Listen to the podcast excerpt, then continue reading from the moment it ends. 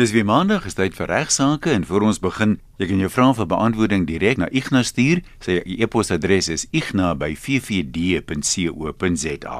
Onthou net dat uh, Ignas nie telefonies kan raad gee of skriftelik nie. Hy kan nie persoonlik betrokke raak by jou regsprobleem nie. Hierdie program word moontlik gemaak deur die Prokureursorde van Suid-Afrika en die oorhoofse doel is om die breë gemeenskap te bemagtig oor 'n wye verskeidenheid regskwessies en dis waar jou vrae inkom. Ignas Raad is altyd om maar 'n prokureur naby jou te gaan sien. Dis net prakties baie makliker as daar dokumentasie saamgeneem moet word en in 'n konsultasie kan 'n prokureur vra ter opheldering vra wat ons nie op die program kan doen nie. Ignas by ffd.co.za En onthou ook dat as jy nie na regsaake kan luister nie, al die programme is as potgoeie beskikbaar op RSG se webwerf rsg.co.za. So jy kan weer daarna luister of dit aflaai op jou rekenaar as jy dit graag wil hou vir toekomstige verwysing. Ek nou hartlik goeiemôre.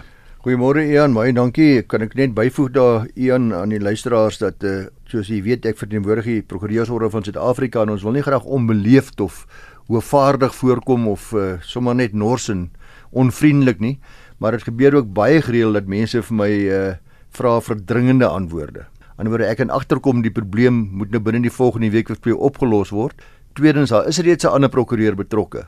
Nou ek kan nie betrokke raak wat daar reeds 'n ander prokureur betrokke is nie en normaalweg Ian, ek sien nou die saak wat ek nou gaan hanteer is twee briefies. Een is gedateer 6 Januarie, een is gedateer 7 Januarie. Dit word nou op 2 Maart eers behandel. So gewoonlik 'n maand of 2 voordat u navraag regtig bespreek gaan word, omdat dit soos jy reg sê van algemene belang vir ander mense ook is. Miskien moet ons net bysê ja. daar dat uh, Igna is op Rustenburg, so hy kan nou nie elke week deurry nie en om dit nou makliker te maak, kom ons so een keer 'n maand bymekaar. Dikwels doen ons dan 'n regstreekse program, maar die meeste regsaake programme word vooraf opgeneem. So met die idee dat ons dan nou vooruitwerk in geval iemand siek word of waar onvoorsiene omstandighede is, kan ons nie dringend jou regsvraag beantwoord nie. Dis korrek so. Ek het 'n briefie ontvang. Die eerste een is gedateer 6 Januarie. Dit kom van Frans Bredenkamp af. Baie interessante vraag. Wat ek dink vir ander mense dalk ook baie interessant gaan wees, hopelik. Hy wil graag weet aan wie behoort die eersterwenis as 'n stoffelike oorskot en wie het beheer daaroor waar die testament swyg en dis nogal iets wat dikwels gebeur. Die familie nie kan saamstem oor die ter aarde bestelling van die liggaam of die verassing nie en of nie kan saamstem oor wie die begrafnisdiens moet hou nie of wat met die as moet gebeur nie. Uh dis Frans se vraag dan het uh, net die volgende dag kry ek 'n briefie van Roger Rosner. Hy sê ek het nou oral gesoek, maar kry nie waarna ek soek nie. Wanneer 'n man sterf en sy kinders verkies dat sy gewese vrou, dis nou die kinders se ma, 'n draer moet wees van die kus by die begrafnis, maar die man se broers en susters weier volstrek dat sy 'n draer mag wees. Wat nou? Die vrou wil graag 'n draer wees want hulle was nog steeds baie goeie vriende. Dis nie die gewese vrou die ex. Het die kinders enigsins 'n sê in die saak? Nou, ek moet dadelik uh, bieg, ek het nie die antwoorde geken nie en ek het een van die jong prokureurs daar by ons gaan vra om dit vir my op te soek. Dis Janus Olivier en hy het vir ons die volgende antwoord gegee. Dankie aan Janus. Hy sê die meeste mense skryf hulle testamente wat met hulle liggame moet gebeur na afsterwe. Dit skep egter 'n praktiese probleem omdat die testament eers uitgepluk word na die begrafnis. Dis so. Daar's ook geen sanksies wat ingestel kan word indien die familie besluit om nie gehoor te gee aan oorledene se wense oor wat met sy liggaam moet gebeur nie. So selfs al sê jy sê jy in jou testament, uh, ek wil graag veras word of ek wil graag dit hê by my begrafnis moet daar 'n groot funksie wees met baie drank of wat ek nog al dit mag wees, is die familie nie daaraan gebonde, dis net 'n wens wat uitgespreek word. Uh dispute en mekleierery oor 'n oorlede familielid se liggaam is iets wat nie uh, baie gereeld voorkom nie, maar dit gebeur tog van tyd tot tyd in my praktyk 'n paar maal gesien. Dit is so omdat die oorledene se wense gewoonlik maar deur sy familie gerespekteer word of die familie stem saam oor wat met die oorskot moet gebeur. Nou soos in die uh, twee briewe skrywers se gevalle waar hulle nie saamstem nie, wat nou? Daar's geen spesifieke wetgewing sê Janus wat hierdie aspek reguleer. Daar's niks in ons statutêre bepalinge hieroor nie. So ook is daar geen wetgewing oor wie tot 'n verassing van die liggaam moet toestem of oor wat met die as moet gebeur nie of oor of 'n liggaam veras moet word of ter aarde bestel moet word nie. Niks, nêrens staan daar ietsie oor nie. Artikel 62 se artikel 1 van die Wet op Nasionale Gesondheid, dis 'n wet van 2003, bepaal wel dat 'n persoon sy liggaam of 'n gedeelte daarvan kan skenk in sy testament of in enige ander dokument in die teenwoordigheid van twee getuies onderteken want hierdie artikel bepaal verder dat 'n persoon so 'n skenking ook mondelings kan maak solank dit in die teenwoordigheid van twee getuies plaasvind. Nou ons kan nou dink hierdie gaan maar meer uh artikel 662 2 van dieselfde wet uh sê dat in die afwesigheid van so 'n skenking deur die oorledene kan die volgende persone besluit om die oorledene se liggaam te skenk. So as ek dit nie self geskenk het nie, kan die volgende persone wel besluit om my liggaam te skenk na afsterwe en dis in volgorde van voorkeur volgorde is dit die oorledene se langslewende gade, sy lewensmaat, dan die meerderjarige kinders, dan 'n ouer, dan 'n voog en laastens meerderjarige broer of suster. Let wel, dis nou net nie die geval van die skenking van 'n liggaam. Dis die enigste bepaling in enige wetgewing wat 'n bietjie van 'n aanduiding gee oor wie jy sê het. Mm -hmm. Wanneer ek die liggaam, dis natuurlik nou vir vir gesondheidsdoeleinde soos ons hiervan praat, nê. Nee. Uh, my niere of my lewer of my hart of wat ook nogal. Hierdie artikel geld egter net soos ek sê waar geskenk word. Dit bied geen oplossing vir die vraag oor wie die reg het om te besluit of iemand begrawe moet word of veras moet word nie of waar 'n persoon begrawe moet word nie. Nou daar is wel 'n paar hofsaake al in ons land wat hiermee gehandel het en uh, ons kyk hierso na 'n paar van hulle wat uh, Janus vir ons aangedui het in die saak van Sekeleni versus Sekeleni is 1986 saak het die hof beslis dat waar 'n oorledene gedurende sy lewenstyd 'n persoon aangewys het om toe te sien tot sy begrafnis moet daar uitvoering gegee word aan daardie oorledene se wens ongeag of die aanstelling in die testament of mondelings gemaak was. So as daar bewys kan word dat die oorledene het mondelings gesê, ek wil graag hê my vrou moet my begrafnis reël. Sy kan nie sy die sy gaan nie sê oor alles. Dan is dit so, dan moet die wens geëerbiedig word en in 'n uh, Said versus Schatz, dis 'n 1972 saak in die Ou Transvaal het die hof verder gegaan en bepaal dat waar die oorledene niemand aangewys het om toe te sien tot sy begrafnis nie, sal hierdie reg oorgaan op die erfgename. Dis nie meer die vrou, die kinders, die wat ek nogal nie of dit kan 'n vriend ook wees, oor die erfgename wat in die testament benoem is. Indien daar dan geen testament is nie, sê die hof, jy net dan gaan die reg oor op die oorledene se kinders en daarna sy naaste bloedverwante. Let wel, vrou speel geen rol hierso nie. Kinders en dan bloedverwante. In Tituale en 'n ander versus Magutu is in 1976 saak het die hof bevestig dat waar die langslewende gade 'n erfgenaam was. Nou die vorige saak het gesê waar 'n erfgename aangewys is, dan sal die erfgenaam kan besluit. In hierdie saak word gesê waar die vroue erfgenaam is, een van die erfgename is, die langslewende gade, dan sal haar wense voorkeur kry oor wat moet gebeur met die liggaam en die begrafnis ensovoorts. So luisteraars, as mens uit hierdie uitsprake, uit die regspraak blyk dit dus dat daar voorkeur gegee word in die wense van die oorledene eerstens wat bewys kan word. In die afwesigheid van sulke wense, dan kry erfgename voorkeur en as die erfgenaam een van die erfgename langs lewende gade is, dan spesifiek kry sy voorkeur of hy voorkeur. Nou uh dan sê Janus ek is van mening dat waar daar geen wetlike voorskrifte is nie, sal dieselfde volgorde van voorkeur van toepassing wees in soortgelyke kwessies soos moet oorledene verasse begraaf word. Daar sal 'n voorkeur sal deur die hof toegepas word wat nou reeds aangedui is in hierdie drie hofsaake. Of waar moet hy begrawe word en wat moet met sy as gebeur en wie mag draers wees ensovoorts. Maar nou ja, uh, ek wil maar net sê en stem 100% saam dat met Janus dat soos altyd is die oplossing maar 'n goed opgestelde testament. Veral as jy weet jy het moeilike familie was, 'n klomp spanning tussen sekere erfgename ensovoorts. Ons adviseer by van Vellen Duffy altyd ons kliënte om die inhoud van hulle testament in sover as dit nie sensitief is nie met erfgename te deel. Dit moet hulle te bespreek vooraf. Op 'n manier voorkom jy dat jou erfgename gekonfronteer word met baie moeilike vrae en twis en en en konflik. En dit jy's in 'n baie moeilike stadium. Op 'n stadium een wanneer hulle wanneer hulle emosioneel getraumatiseerd is ensovoorts, nê. Nee. So, dankie aan Janus en ek hoop uh, ons luisteraars se vrae is hiermee beantwoord. Ek dink die praktiese raad soos jy dit reg sê, as jy nie testament doen nie, dis nie lekker om daaroor te praat nie, maar bespreek dit ten minste met jou familie dat hulle 'n idee het, want ek dink dis soms vir kinders 'n verrassing dat pa wil nou nie begrawe word soos die tradisie is nie. Hy wou veras geword het. Ja. Soms het mense wense die as moet gestrooi word by die plek waar ek altyd gaan visvang het of waar ek gaan ja. stap het of wat ook al, jy weet. Dat mense 'n idee het daarvan want dit kan nogal taamlik wrywing uh, veroorsaak onder die familie. Vat maar uh, eenvoudige ding. Kom ons sê net maar jou trust of jou sê net maar jy het 'n trust ook wat nou nie met jou afsterwe geraak word nie of sê net maar jy het 'n besigheidsgebou wat verhuur word en jy het 'n woonstelle of wat ook nog dit mag wees. Daar's dan niks fout om 'n aparte dokument wat saam met jou testament geleeseer word vir jou eksekuteur en vir jou trustees te sê, weet jy wat? Ek kan jou nou nie verplig nie, maar ek wil graag tog vir die kinders sê dat dit sou eintlik gaaf wees as hulle hierdie gebou moet hulle nie verkoop nie want die inkomste is besonder goed. Of daai woonstelle moet hulle maar van ontslaa raak.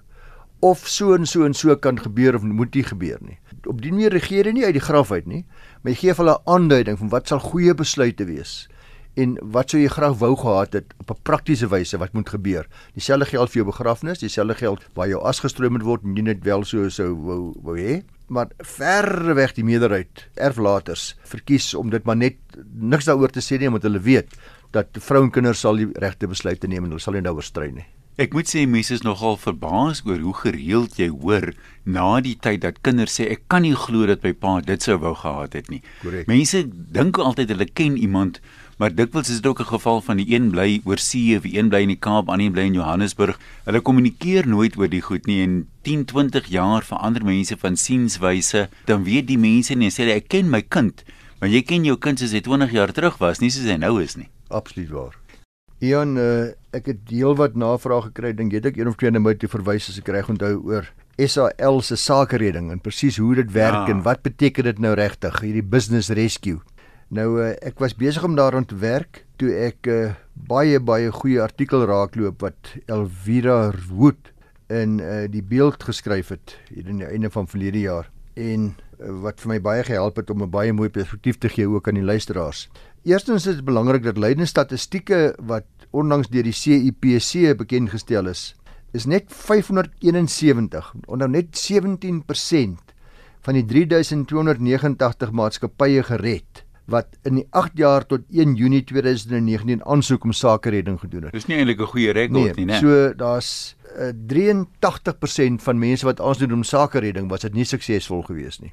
Uh, so wat is sakeredding? Want ons weet nou dat die, die lugdiens is uh, teen die einde van begin van Desember uh, 2019 in sakeredding geplaas en sal hulle gered word en die volgende dinge kan ek maar net vir u sê oor sakeredding. Dis 'n proses waar daar eintlik so laaste kans gegee word aan 'n maatskappy wat nie sy skuld kan betaal nie om te kyk of hy nie dalk nog gered kan word nie of hy nie weer solvent gemaak kan word nie of hy nie weer volhoubaar aan die gang gekry kan word nie. Nou wie besluit dit oor eerstens alle belanghebbendes byvoorbeeld die direksie van 'n maatskappy sy aandeelhouers krediteure vakbonde werknemers Almal kan aansoek doen om 'n maatskappy in sakeredding te plaas. Die maatskappy kan self vra, die werkers kan vra, ander krediteure kan vra daarvoor maar onthou jy kry dikwels dat van hierdie partye het verskillende doelwitte. Ons het nou gesien met SAL. Daar was 'n aansoek gewees deur Afriforum, is dit? Ja.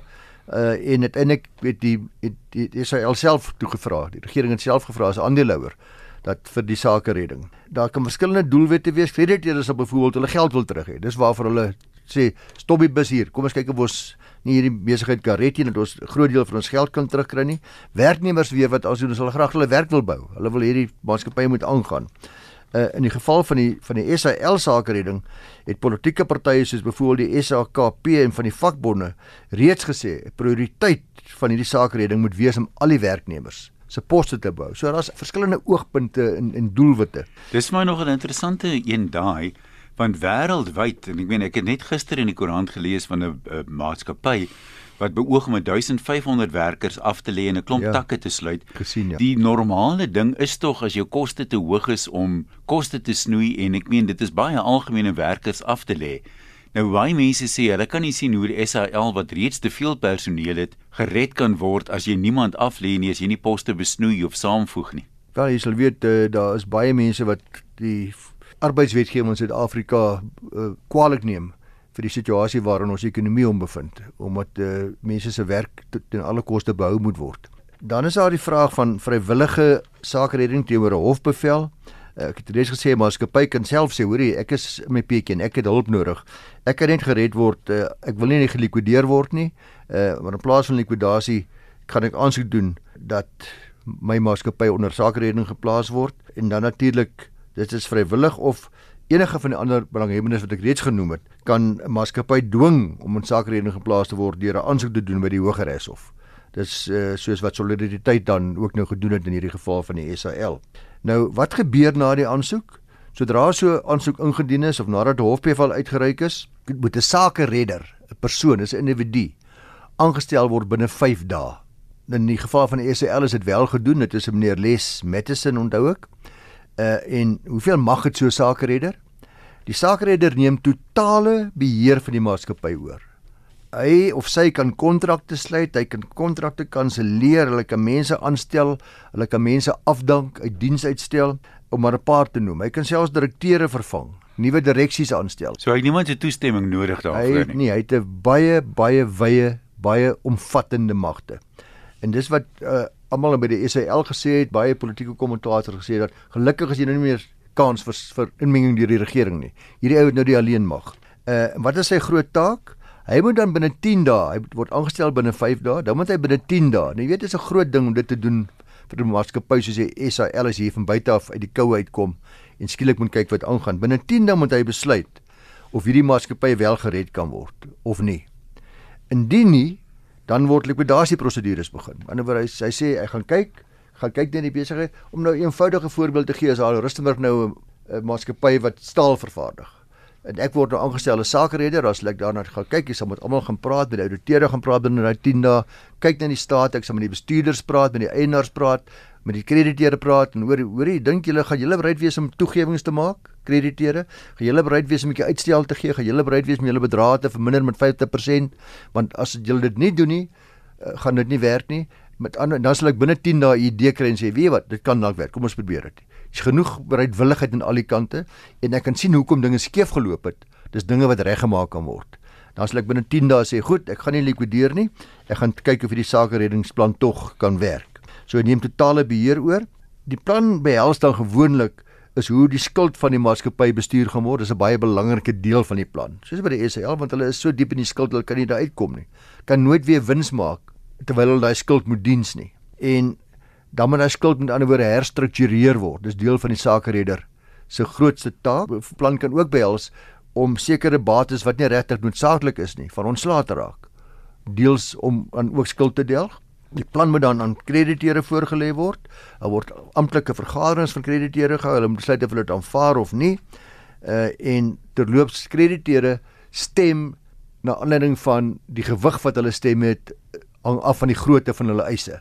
Kan ek net vra, hulle moet dit nou goedkeur as hulle dit afkeur dan is dit van die baan. Dan is dit van die baan af. Maar is onthou nie alle krediteure nie is 'n meerderheidsstem. So gewoonlik sal 'n paar groot krediteure die grootste sê. Ja. Nou wat gebeur as die plan afgekeur word? Soos jy reg sê, hulle het die volle reg om dit af te keer. Hy word dan verplig om die proses van voor af te begin, 'n nuwe plan op te stel of dan voort te gaan met likwidasie prosedure. Hy kan weer met ander woorde terug aan tekentafel toe. Sê weer die ouetjie goed. Wat van hierdie plan krediteure? Wat julle dit voorgestel of dat voorgestel? Kom ons probeer dit. Maar dit kan ook uh gewoonlik as daar nie in die plan se voorwaardes voldoen word nie, daar's altyd voorwaardes vir die werkingstelling van hierdie plan. Sou hulle die plan goedkeur, maar daar word later word dit ge- gebleik dit dit, dit werk nie. Daar word nie aan die vereistes voldoen nie, uh, dan kan die plan tersyde gestel word. Weereens deur die sakeredder. Sê, hoor julle, ons het geprobeer. Nie gewerk nie. Uh sakeredders kan ook aansoek doen by die hof of by die CIPC vir uitstel van spertye. Daar word daar daar sekere datums wat in die wetgewing daar gestel word. Soos byvoorbeeld die 5 dae, die 10 dae wat 'n plan moet voorlê mm. -hmm. en dis onderhandelbaar dus. En uh die groot voordeel van sakeredding luisteraars is dis dat wanneer 'n maatskappy hom in 'n situasie bevind, uh dan kan daar geen regstappe teen hom gedoen word nie. Dis die eerste ding wat gebeur. Alle regstappe word opgeskort. Niemand kan meer dagvaar nie. Huidige stake bly net so staan totdat die sakeregter redder eers kyk of daar 'n reddingsplan moontlik is. Dit bied ook dan die geleentheid dus uh, dat 'n eksterne kenner wat spesial, spesialiseer in die regryk van maatskappye. Dis hierdie mense is spesialiste kan ingryp en met nuwe idees en voorstelle kom. Hierdie sakeredder in die geval van meneer Mattison is ek seker dit gaan so wees, sal ook baie ruimskoots gebruik maak van ander kundiges in hierdie bedryf om hom van raad en hulp te voorsien. Uh, en dan wie doen hy verslag?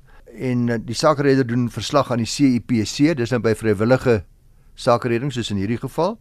Uh, indien dit 'n hofbevel is, dan doen hy ook verslag aan die hof. En indien die sakeredding nie binne 3 maande afhandel is nie, dan moet daar maandeliks verslag gedoen word oor die vordering van die proses. Die kans dat hierdie sakeredding binne 3 maande afgehandel gaan word is baie naby aan 0. Nou werk dit regtig? Ek het reeds gesê dat net 17% het sover in Suid-Afrika gewerk en uh, by die res van die gevalle is die proses beëindig of was dit was dit doodgewoonig uiteindelik likwidasie. Uh kan mens later die sakeredder verander? Kan jy hom afdank? Kan jy hom vervang? Dit is duidelik dat sou belanghebbendes nie tevrede wees met die werk van die sakeredder nie, kan hulle weer by die hof aansoek doen om die sakereder te vervang. Jy sal onthou dat solidariteit reeds gedreig uh dat hulle nie hulle sou bevind dat hierdie sakereder voorgesê word deur die regering ensovoorts dan gaan hulle dit nie duld nie. Dis nou hierdie SAL sakereder met Madison. Uh hulle sal regstrap oorweeg om dan 'n ander sakereder te laat aanstel wat nie blyk net op die hond te wees van die regering nie. So uh ja luisteraars, in die meeste gevalle waar sakereding werk, is dit omdat skuldeisers bereid was om 'n baie groot deel van hulle skuld laat herstruktureer eintlik af te skryf. Aan die ander woorde, hier sit ek, ek jy skuld my miljoen rand. Ja, likwidasie gaan my 10 sent in die rand gee, nou kan ek dalk 40 sent. Nou kan dalk 40 sent kry. Presies, dis die punt. Dit waar dis waarom dit soms werk. En nou, kom ons hou maar baie styf duim vas dat dit wel gaan werk in die geval van die SAL. Net twee vinnige vrae hier hoor ek nou in die eerste plek, wie besluit wie gaan die sake redder wees? Is daar mense wat sê my professie is sake redder? Of is hulle ouditeure of prokureurs of waar kom die ja. mense vandaan? In die geval waar die hof aansoek gedoen word, dan sal die aansoeker sal gewoonlik 'n sakeredder voorstel en die hof sal dit dan goedkeur of afkeur. Die hof sal gewoonlik maar dit wat die aansoeker voorstel as sakeredder. Dis mense wat almal geakkrediteer word as sakeredders. Jy om 'n sakeredder te word, moet jy op die registreer as 'n sakeredder. Okay. En dan moet jy aan sekere kwalifikasies voldoen. Uh die wet maak ook voorsiening vir watter vergoeding daar betaalbaar is aan 'n sakeredder en ek moet sê dis aansienlike goeie vergoeding. Sakeredders maak baie goeie geld. En waar kom die geld uit die onderneming uit wat klaar in die moeilikheid is? Die onderneming uit klaar in die moeilikheid is. Ja. Okay. So dit maak gewoonlik die dinge nog bietjie slegter as ja, wat dit was. Ja. Maar weer eens in 'n geval soos SAL natuurlik is dit 'n baie klein druppel in die emmer, maar dikwels sal jy vind dat uh die sakeredder sal binne die 10 dae wat aan hom gegee is alreeds aanduiding gee dat dit nie gaan werk nie. Die ander vraag wat ek wou gevra het is met 'n individu as jy nou insolvent verklaar word, die normale prosedure is jou bates word verkoop, eh, eiendomme op 'n veiling, maak nie saak wat nie, om soveel as moontlik kontant te genereer om die skuldeisers te betaal. Maar in die geval van SAL, sê nou hulle hulle sien dit gaan nie werk nie, hulle ja. volg die likwidasie roete. Die potensiële kopers van SAL se bates moet baie min wees. Ja, wie presies, dis een waarskynlik van die groot argumente wat 'n sakedeurder gaan hê om skuldeisers te oortuig daarvan dat die enigste manier om hierdie besigheid te red sodat hulle wel 'n aansienlike deel van hulle skulde kan vorder, is om die bedryf in stand te hou. Want om dit om te gaan staan gaan beteken hy vliegtye gaan vir 'n appel en 'n ei verkoop word deur ander lugdienste of uiteindelik deur 'n privaat koper in geheel gekoop word teen 'n fraksie van die werklike waarde En dit is die groot uh, dis die groot rede waarom ek dink sakeredding in die geval van SAL is waarskynlik die enigste sinvolle oplossing. Want dit voorveronderstel samewerking deur 'n klomp mense insluitende die vakbonde, maar gelukkig in die geval van 'n sakeredder as die as daai sakeredder besluit het dat hoor jy ons gaan 1500 mense afdank want ons het 3000 mense te veel. En ons gaan nou hierdie jaar 1500 en volgende jaar nog 1000, dan is dit nou maar die arbeidswette gaan nog steeds van toepassing wees, maar die afdanking op sigself is anders as wat hulle hulle kan maar blou moord skree. Hy het die alleenreg om te besluit hoe hierdie besigheid gered gaan word al dan nie. Ek dink die ding wat baie mense mismoedig maak as jy kyk na die geskiedenis van instellings soos Eskom en die SAL, dis al jare wat hulle in die moeilikheid is. Ja, Daar was al hoeveel reddingsboeye, ja, ja, ja. hoeveel nuwe direksies, hoeveel regrukplanne en van die hele besigheid dink ek het eintlik niks gewerk nie. Ons is yes. nou dieper in die moeilikheid as wat ons 'n paar jaar terug was. Dis ongelukkig die waarheid. Ja, op daai somber noot gaan ons uh, vandag se regsaake afsluit. Jy kan jou vrae vir beantwoording direk vir Ignas stuur igna by ffd.co.za en onthou elke regsaake program is ook as potgooi beskikbaar op RSG se webwerf.